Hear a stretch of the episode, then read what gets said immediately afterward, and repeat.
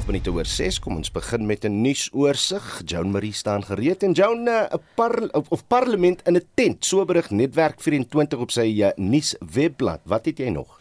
Dis reg, die parlement oorweeg dit om hul sittings van die nasionale vergadering in 'n reuse markies tent te hou.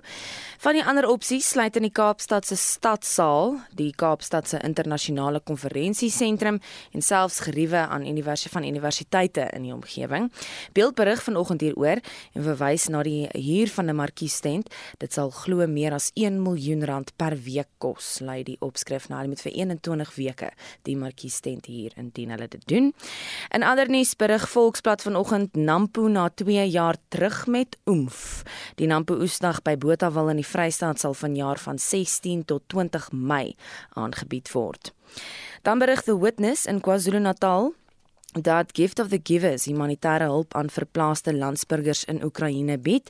In ander nuus wat die konflik in Oekraïne betref, het die Jacob Zuma Stichting op sy Twitterblad 'n verklaring uitgereik wat meen 'n Ruslandse president, Vladimir Putin, het regverdiging gehad toe hy besluit het om Oekraïne in te val. Marlene Forsie het later in die program die jongste oor dag 12 van Rusland se inval van Oekraïne.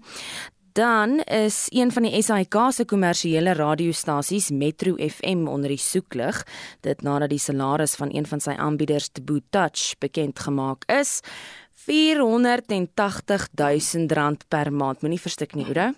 Dis glo wat hy gaan verdien wanneer die SAIK met nuwe programme begin.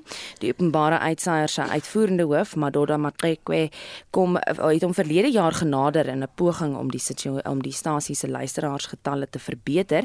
Die SAIK het gesê hy sal later al die besonderhede bekend maak. En dan die hitsmerk DJ Dimples, dis nou al meer as 10000 keer op Twitter gedeel.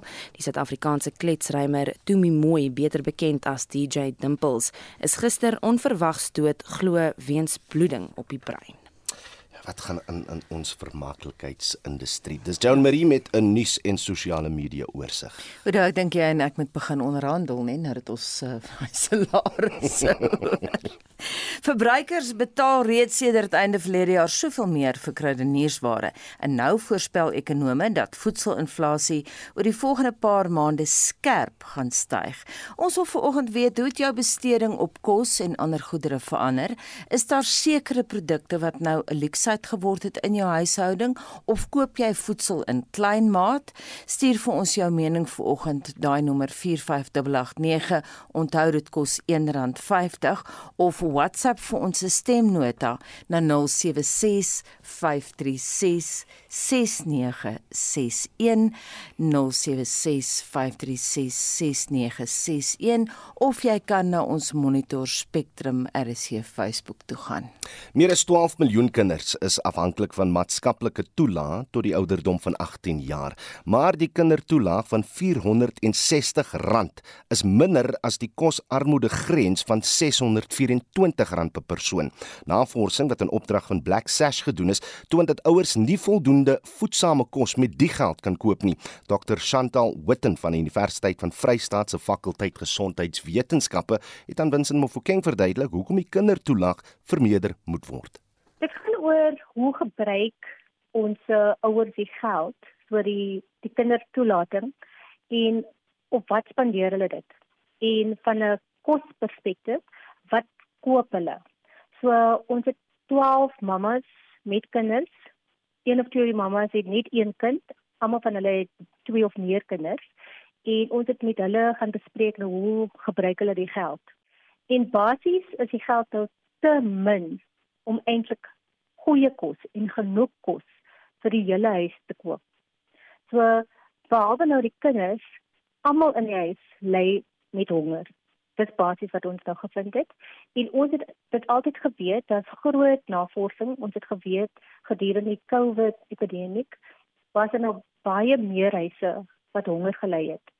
En hier was nou net stories om daai statistiek te kan beskryf en dis wat die navorsing vir ons meer insig en meer soos ons dan sê the lived experiences van die huise wat nou net die kinders toelating kry. En Chantal praat met ons van julle hoofbevindinge wat julle vanuit julle navorsing met hierdie 12 mammas. So ons het nou geweet in die land en veral onder ons mense wat die toelating kry dat baie van die mense hy aan honger. Ons het nou toe gekyk wat koop hulle. So ons weet dis te min. Die kos is te min. Die kos in kwaliteit is slegte kos. Dit het nou nie al die nutriënte wat moet in 'n voedselpakkie wees nie. En ons het gekry mamas het baie stres en soos ons sê anxiety om kos op die tafel te sit. So dit is nie net om kos op die tafel te sit nie, maar dit is ook die stres om elke dag geld bymekaar te kry, geld te leen aan ander mense te gaan bedel, hulle bure te vra. So dit is ook 'n baie heavy social cycle burden vir die mamas. Nou ek weet julle het gesê die kindertoelaag is nou onder die broodlyn eintlik. Wat is julle aanbevelings vir hierdie kindertoelaag? Ons het nou wel gesê die kindertoelating moet verhoog wees tot by die broodlyn, maar as jy nou dink die broodlyn is die basiese geld wat genodig is om 'n pakkie kos te koop wat net die energie gee vir huis. Dit is wat die broodlyn is. So ons wil meer as dit vir ons kinders gee. Ons wil nie net die basies gee nie. Ons moet eintlik 'n voedsame kospakkie kan bymekaar sit en dit gaan meer kos want die koste van kos het opgegaan. So eintlik as jy regtig vir 'n huishoud meer kwaliteit kosse wil aankoop, nodig jy amper meer as 1200 rand. So ons weet op die oomblik vra ons vir 'n uh, verhoging van die toelating net om kinders te kan beskerm teen honger. Chantal wat my hartseer maak is dat ouers of voogte nou minder kos of eintlik kos in porsies koop sodat hulle hulle kinders kan voed. Wat kan daar gedoen word aan hierdie probleem? Ons wil graag hierdie staat die departement van social development ons wil die aanbeveling vir hulle gee om te sê ons moet meer doen vir kinders veral as dit by kos kom want eerste is kos 'n menseregte en in ons uh, Bill of Rights het ons 'n reg vir kinders om kos te kry. En as die toelating dit nou nie kan bereik nie, moet ons aan ander strategieë dink, soos 'n voucher system of 'n kospakkie wat gesubsidised is of voedselskemas. En ons weet gedurende die COVID het baie gemeenskappe dit gedoen, self gedoen. Daar was baie kerke en ons NGO's het dit self gedoen. Dit kan help as die regering geld bysit, dan kan ons meer kinders voer en ons kan meer kinders help. Want dit help nie nou dat ons weet die kinders ly honger en ons weet daar is wanvoeding en ons doen niks nie. Want op die oomblik ons praat nou van kinders onder die ouderdom van 18 jaar en veral die kinders wat onder 5 jaar oud is.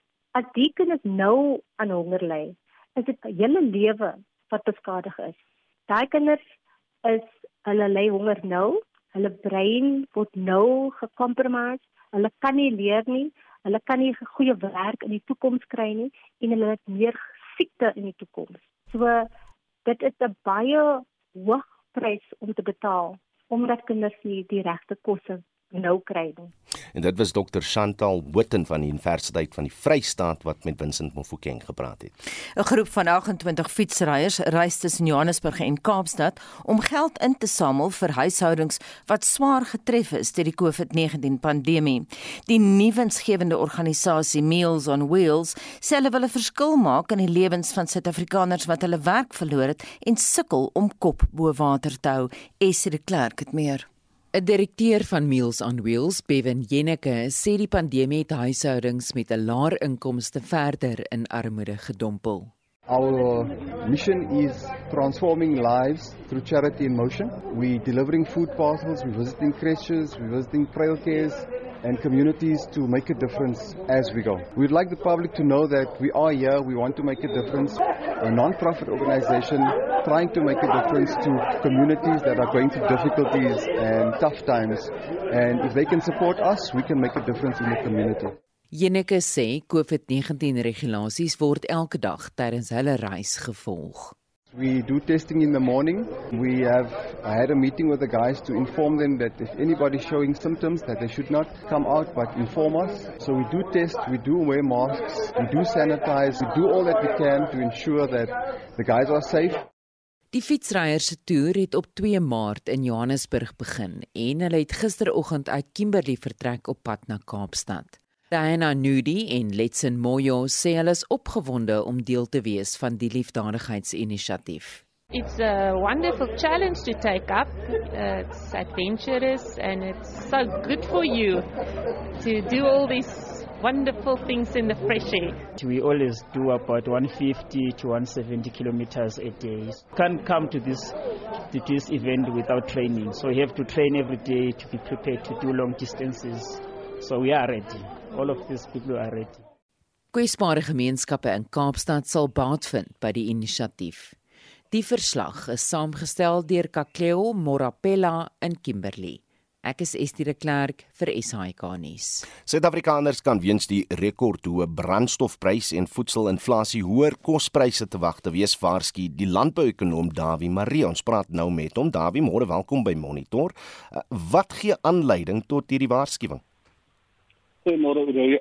Ek dink is ook nog twee faktore wat wat aanleiding gee is definitief die skerp stygings in die brandstofpryse en dan natuurlik die stygings in internasionale pryse van van voedselprodukte as gevolg van die konflik eh, tussen Rusland en Oekraïne en die onsekere situasie daar rondom.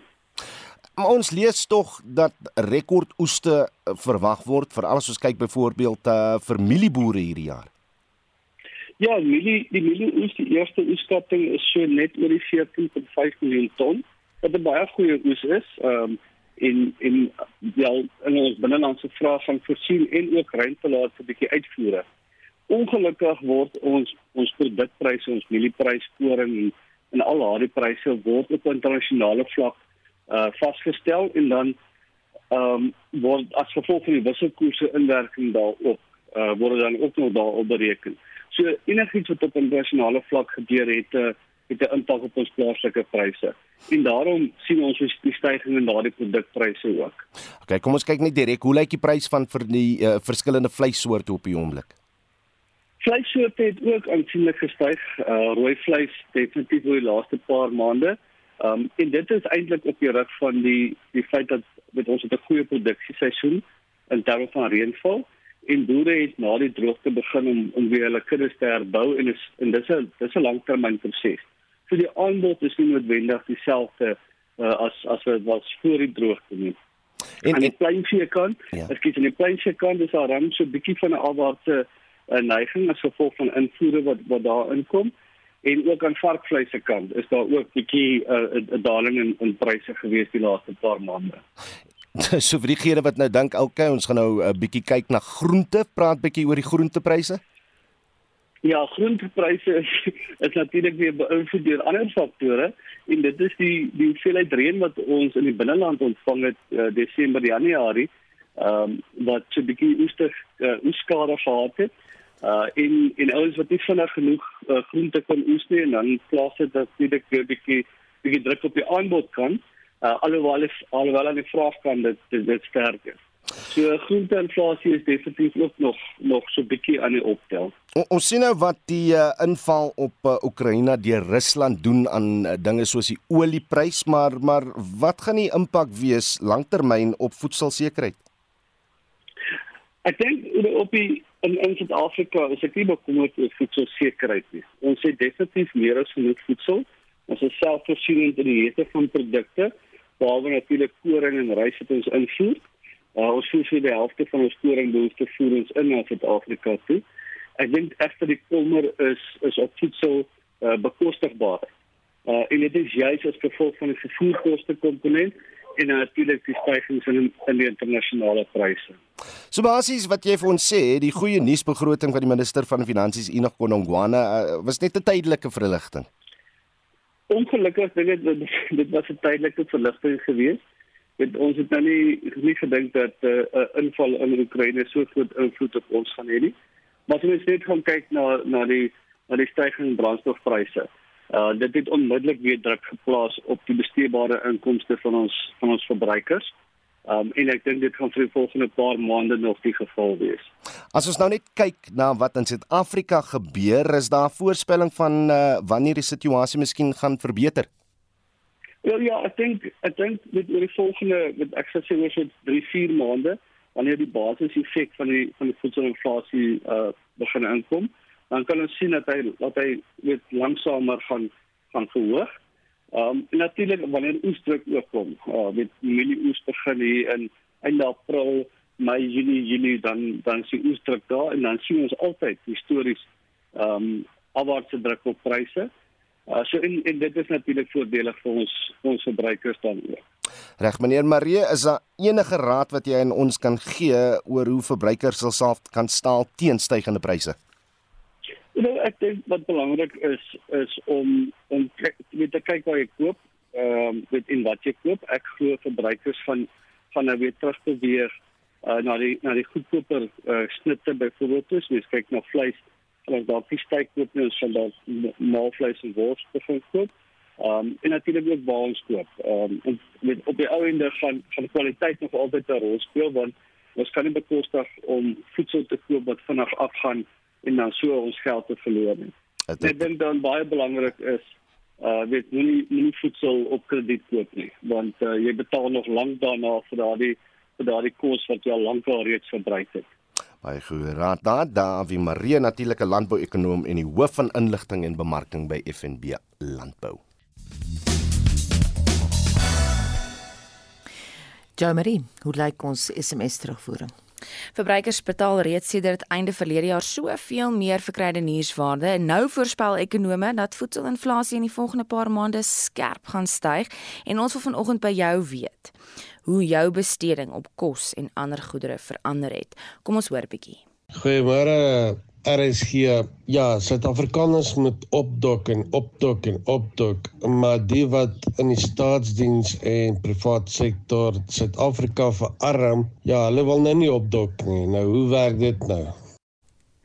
Intussen skryf Edward op Facebook, dis maar moeilik as jy aansoek doen vir 'n lening om dan te kan kyk of jy jou yskas te uh, kan vul. Dan vertel die banke en leningsplekke jy's te oud en jy's 'n risiko. Geen pensioentrekker kan bo die ouderdom 'n kan bo die ouderdom 'n klere rekening of 'n gekonsolideerde rekening kry nie, want ons is mos die lewende dood, skryf Edward.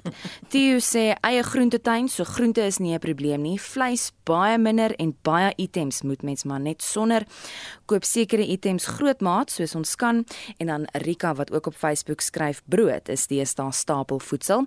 Maak nou slegs 2 maal per week gekookte kos. Vleis is luks en groente het verskriklik duur geraak. Laat weet vir ons wat jy dink. Jy kan vir ons 'n SMS stuur 45889. Dit kos jou R1.50. Jy kan vir ons 'n WhatsApp stemnota stuur. Die nommer daar 0765366961 en dan kan jy ook soos al die Edward Stews en Rikas van die wêreld gaan saampraat op ons Facebookblad. Reg, ek het nou al twee keer 'n voorskou gekry van die volgende storie, so kom ons gaan daarna. Die noodlenigingsorganisasie Gift of the Givers verskaf humanitêre hulp aan die mense van Oekraïne sedert die Russiese inval. Annelien Moses doen verslag. Ons gaan nou voort met 'n ander storie. Die beleerde president van Oekraïne, Volodymyr Zelensky, het verlede week gewaarsku dat president Vladimir Putin se militêre inval in Oekraïne sal uitbrei na ander state. Trouwens, sy presiese woorde was: "Hy sal nie ophou voordat hy Berlyn bereik het nie." Intussen oorweeg Finland om sy neutraliteit te verruil vir lidmaatskap van NAVO. Op hulle beurt is die huidige Oekraïne-oorlog vir die naburige Baltiese state, Estland, Letland en Litouwe alles allesbehalwe akademies van aard. Estland se voormalige intelligensiebaas en parlementariër wat dien op die komitee vir buitelandse sake, Erik Niels Kross, het gister vanuit Tallinn met Monitor gepraat. Estland se voormalige spionasiehoof en parlementariër, Erik Niels Kross, sê Estlanders se een doel is om nou Oekraïne te help. Everybody it seems every business is trying to raise money for the Ukrainians. There are eight shipments going in. We had a rally of 30,000 people, like the second day of the war. All the leaders, the leaders were there. Of course, people are worried. Older people who remember war are more worried. But overall, it seems to be an understanding that You know, Putin needs to be stopped now. And at this point, all of Europe is united in understanding that Ukrainians need to be supported and helped as much as possible. Maar hoe gaan die oorlog uitspeel? There are a few things we can say already for sure. Number one, both the Russians and the West, NATO, miscalculated about the will of resistance, the will to fight of Ukraine.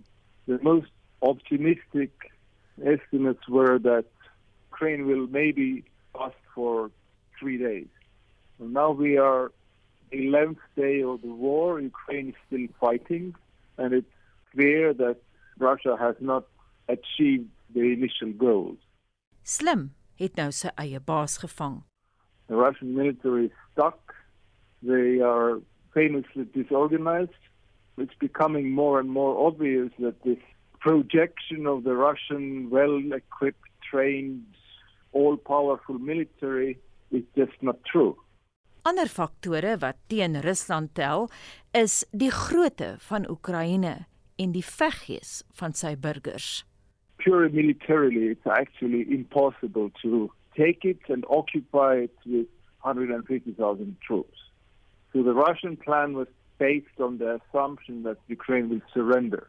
They make a lot of noise, they look frightening on TV screen, and then they go in and the Ukrainians will not fight.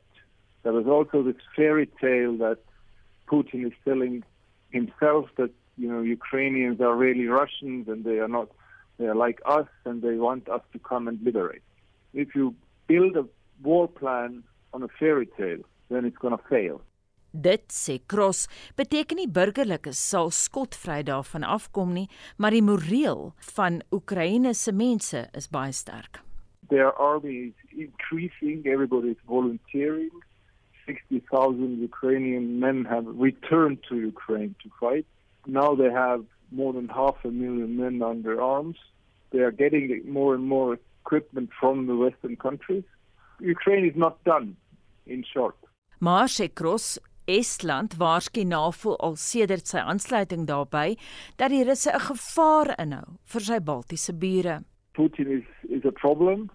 If we let him, they will try to retake territories that they think belong to them. Let's get ready. We need better defenses. NATO eastern flank is not ready for an aggressive Russia.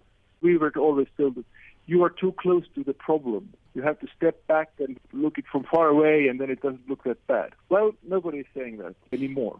Die houding het met die 2008 Georgië inval en 2014 Krim inval verander. Elke Baltiese land het nou 'n NAVO teenwoordigheid.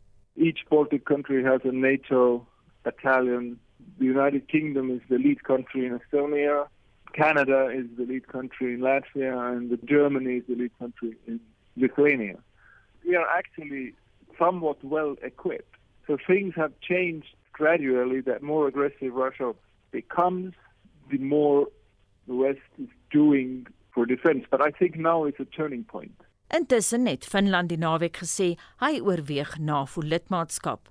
Erik Niels Cross voel sterk daaroor. Of course they need to join NATO.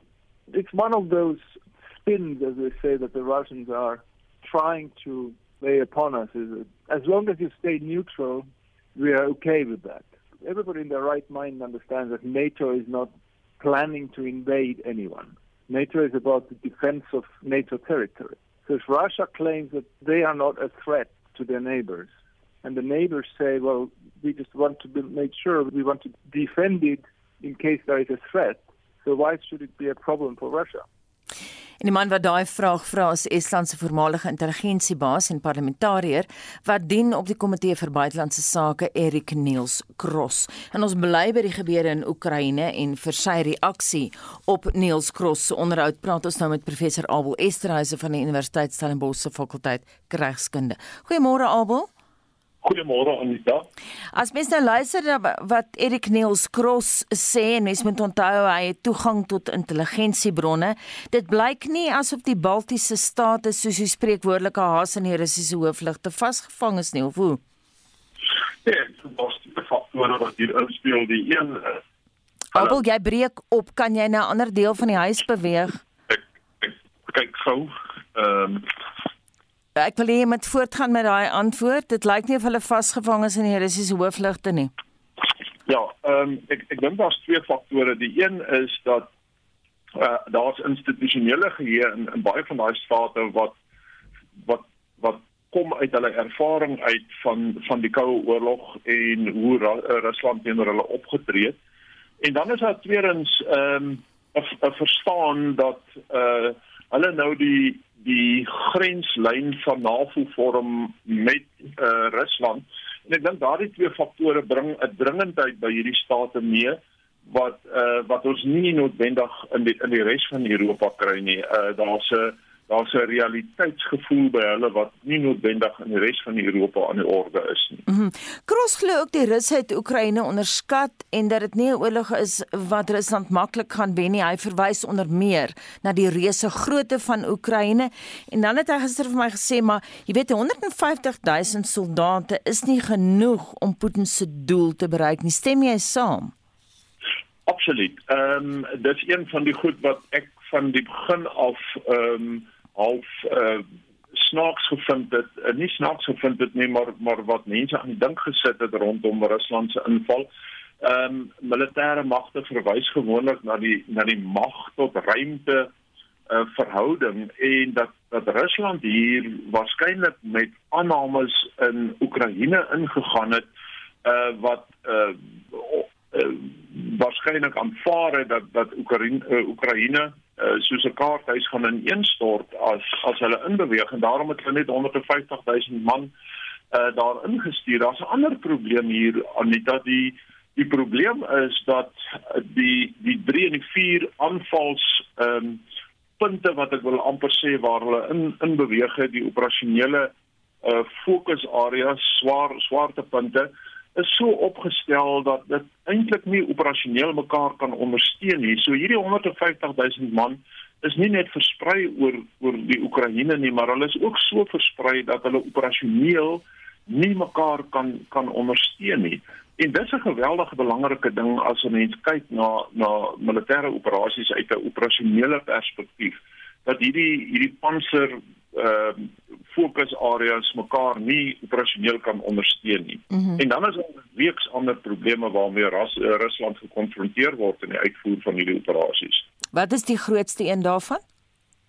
Wel, daar's twee goed wat ek dink westerse strategie uh, uh, bekommer, nie bekommer nie, maar wat hulle aan die dink het. Die een is dit wil voorkom asof Rusland logisties nie uh, regtig beplan het vir hierdie operasies nie ons het hoeveel operasionele ehm um, uh, pauses uh, noem hulle dit in Engels operational pauses operasionele uh, wagperiodes ge, ge, gesien wat nou al uitgespeel het sedert die operasie begin het om uh, logisties uh, op te vang en en en hulle uh, logisties te hervoorsien.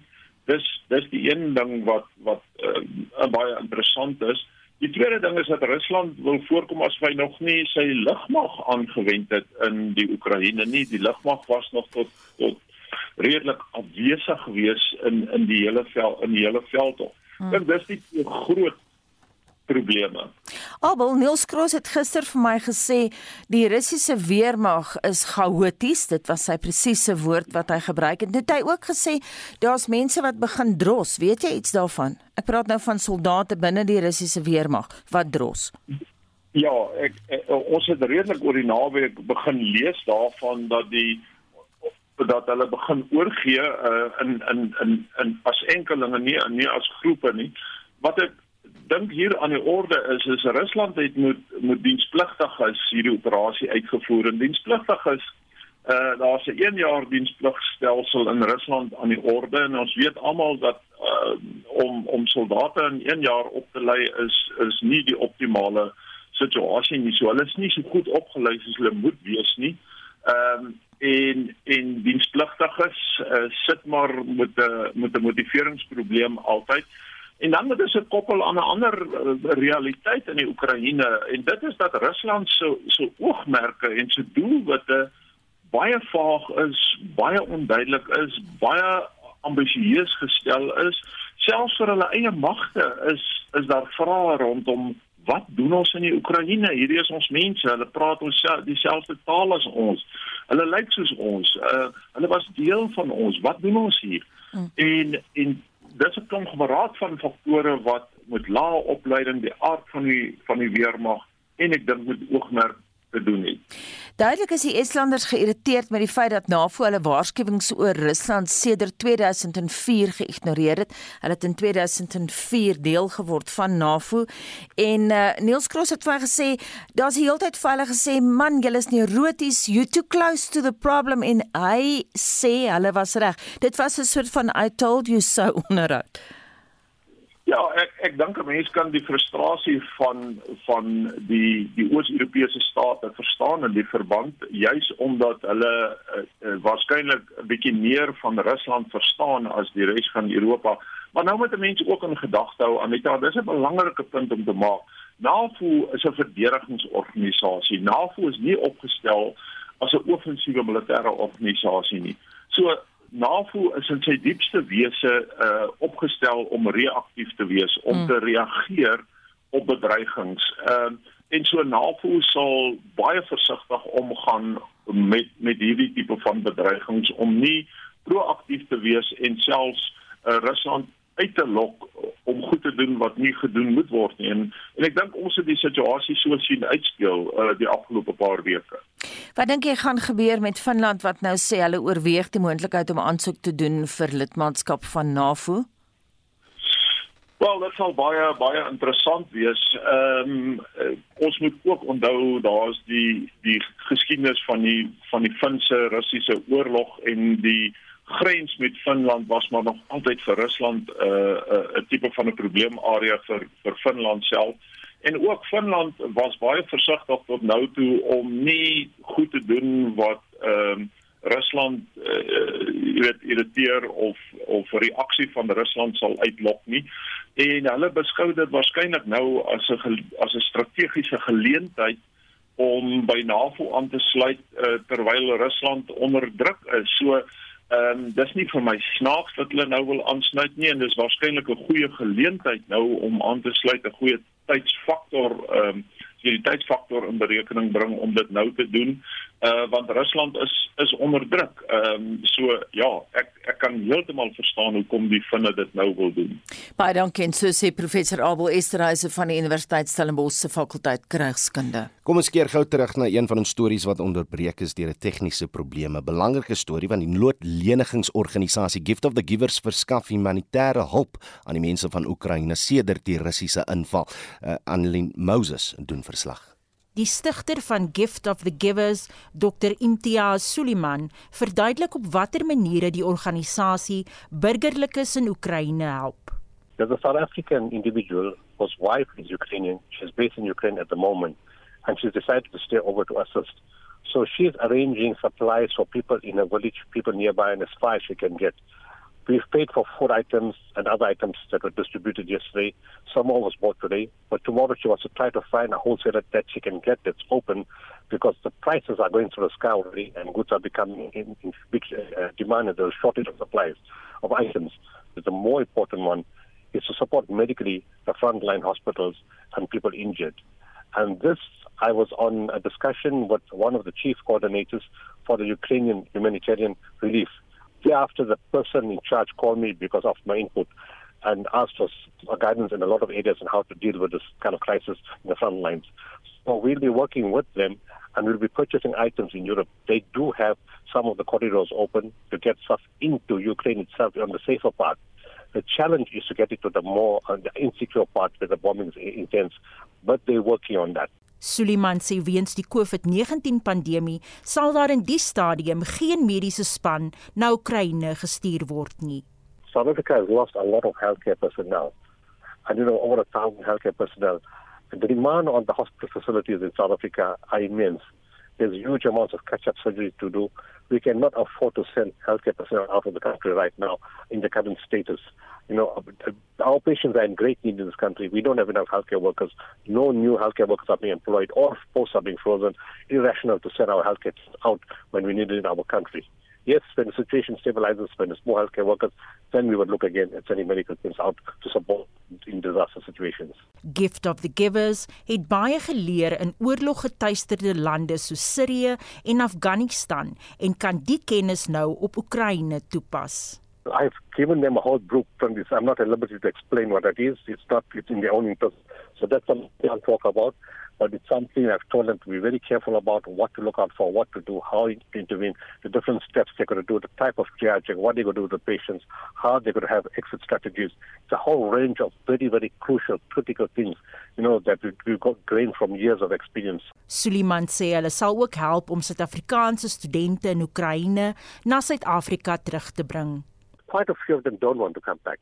They say they, you know, they're in their last years of their studies and they may not get a chance to go back.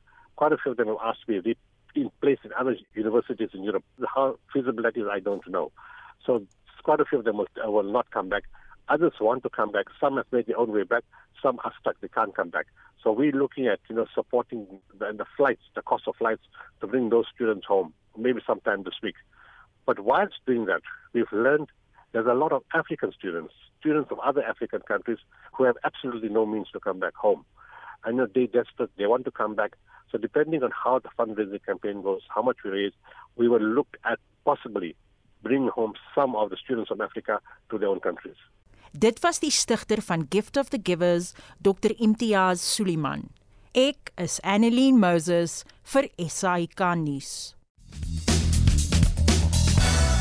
Ek het nou vir die eerste keer in my lewe begin brood in die yskas sit en as ek honger raak is net toast in my huis. Dis wat ek doen. Brood wat doen is maar die stapelvoedsel deesdae. Stefan skryf skoonmaakmiddels moet maar voortaan in bulk gekoop word, so ook groente wat verwerk kan word. Ek het al tot R700 gespaar deur by verskillende supermarkte te soek vir spesiale aanbiedinge. Vleis en suiwelprodukte is ongelooflik duur en langlewe melk werk goedkoper uit as varsmelk. Dis 'n paar wenke van Stefan af. Jack Waterboer skryf vleis is definitief definitief luks. Dit word maar baie min in ons huishouding geëet. Dit verskil soms in kleinmaat, ander kere in grootmaat as die huishoudelike begroting dit toelaat. En dan Juliana Vosser wat sê alle vars produkte moet opgebruik word. Niks luukse disse vleis is 'n verrassing. Shampoos en skoonmaakmiddels moet spaarsame gebruik word. Geen vermorsing van warm water en 9 uur is lights out. En dan skryf Juliana verder petrol met twee sulke gesiggies wat lyk of hulle siek voel. Ehm um, net beplande geleentheidsritte met die voertuig, alles tot die been gesny, almal kry swaar vir al die kinders, verstaan nie alles nie. Baie produkte word nie meer gekoop nie. Party artikels is tot R6 op in prys en dierekos raak ontelbaar. Nou ja, ons praat oor ekonome wat voorspel dat voedselinflasie in die volgende paar maande skerp gaan styg en ons wil weet hoe jou besteding op kos en ander goedere goedere verander het. Laat weet vir ons, ons hoor graag van jou. Ek is net na 08:30 weer terug met van julle terugvoer.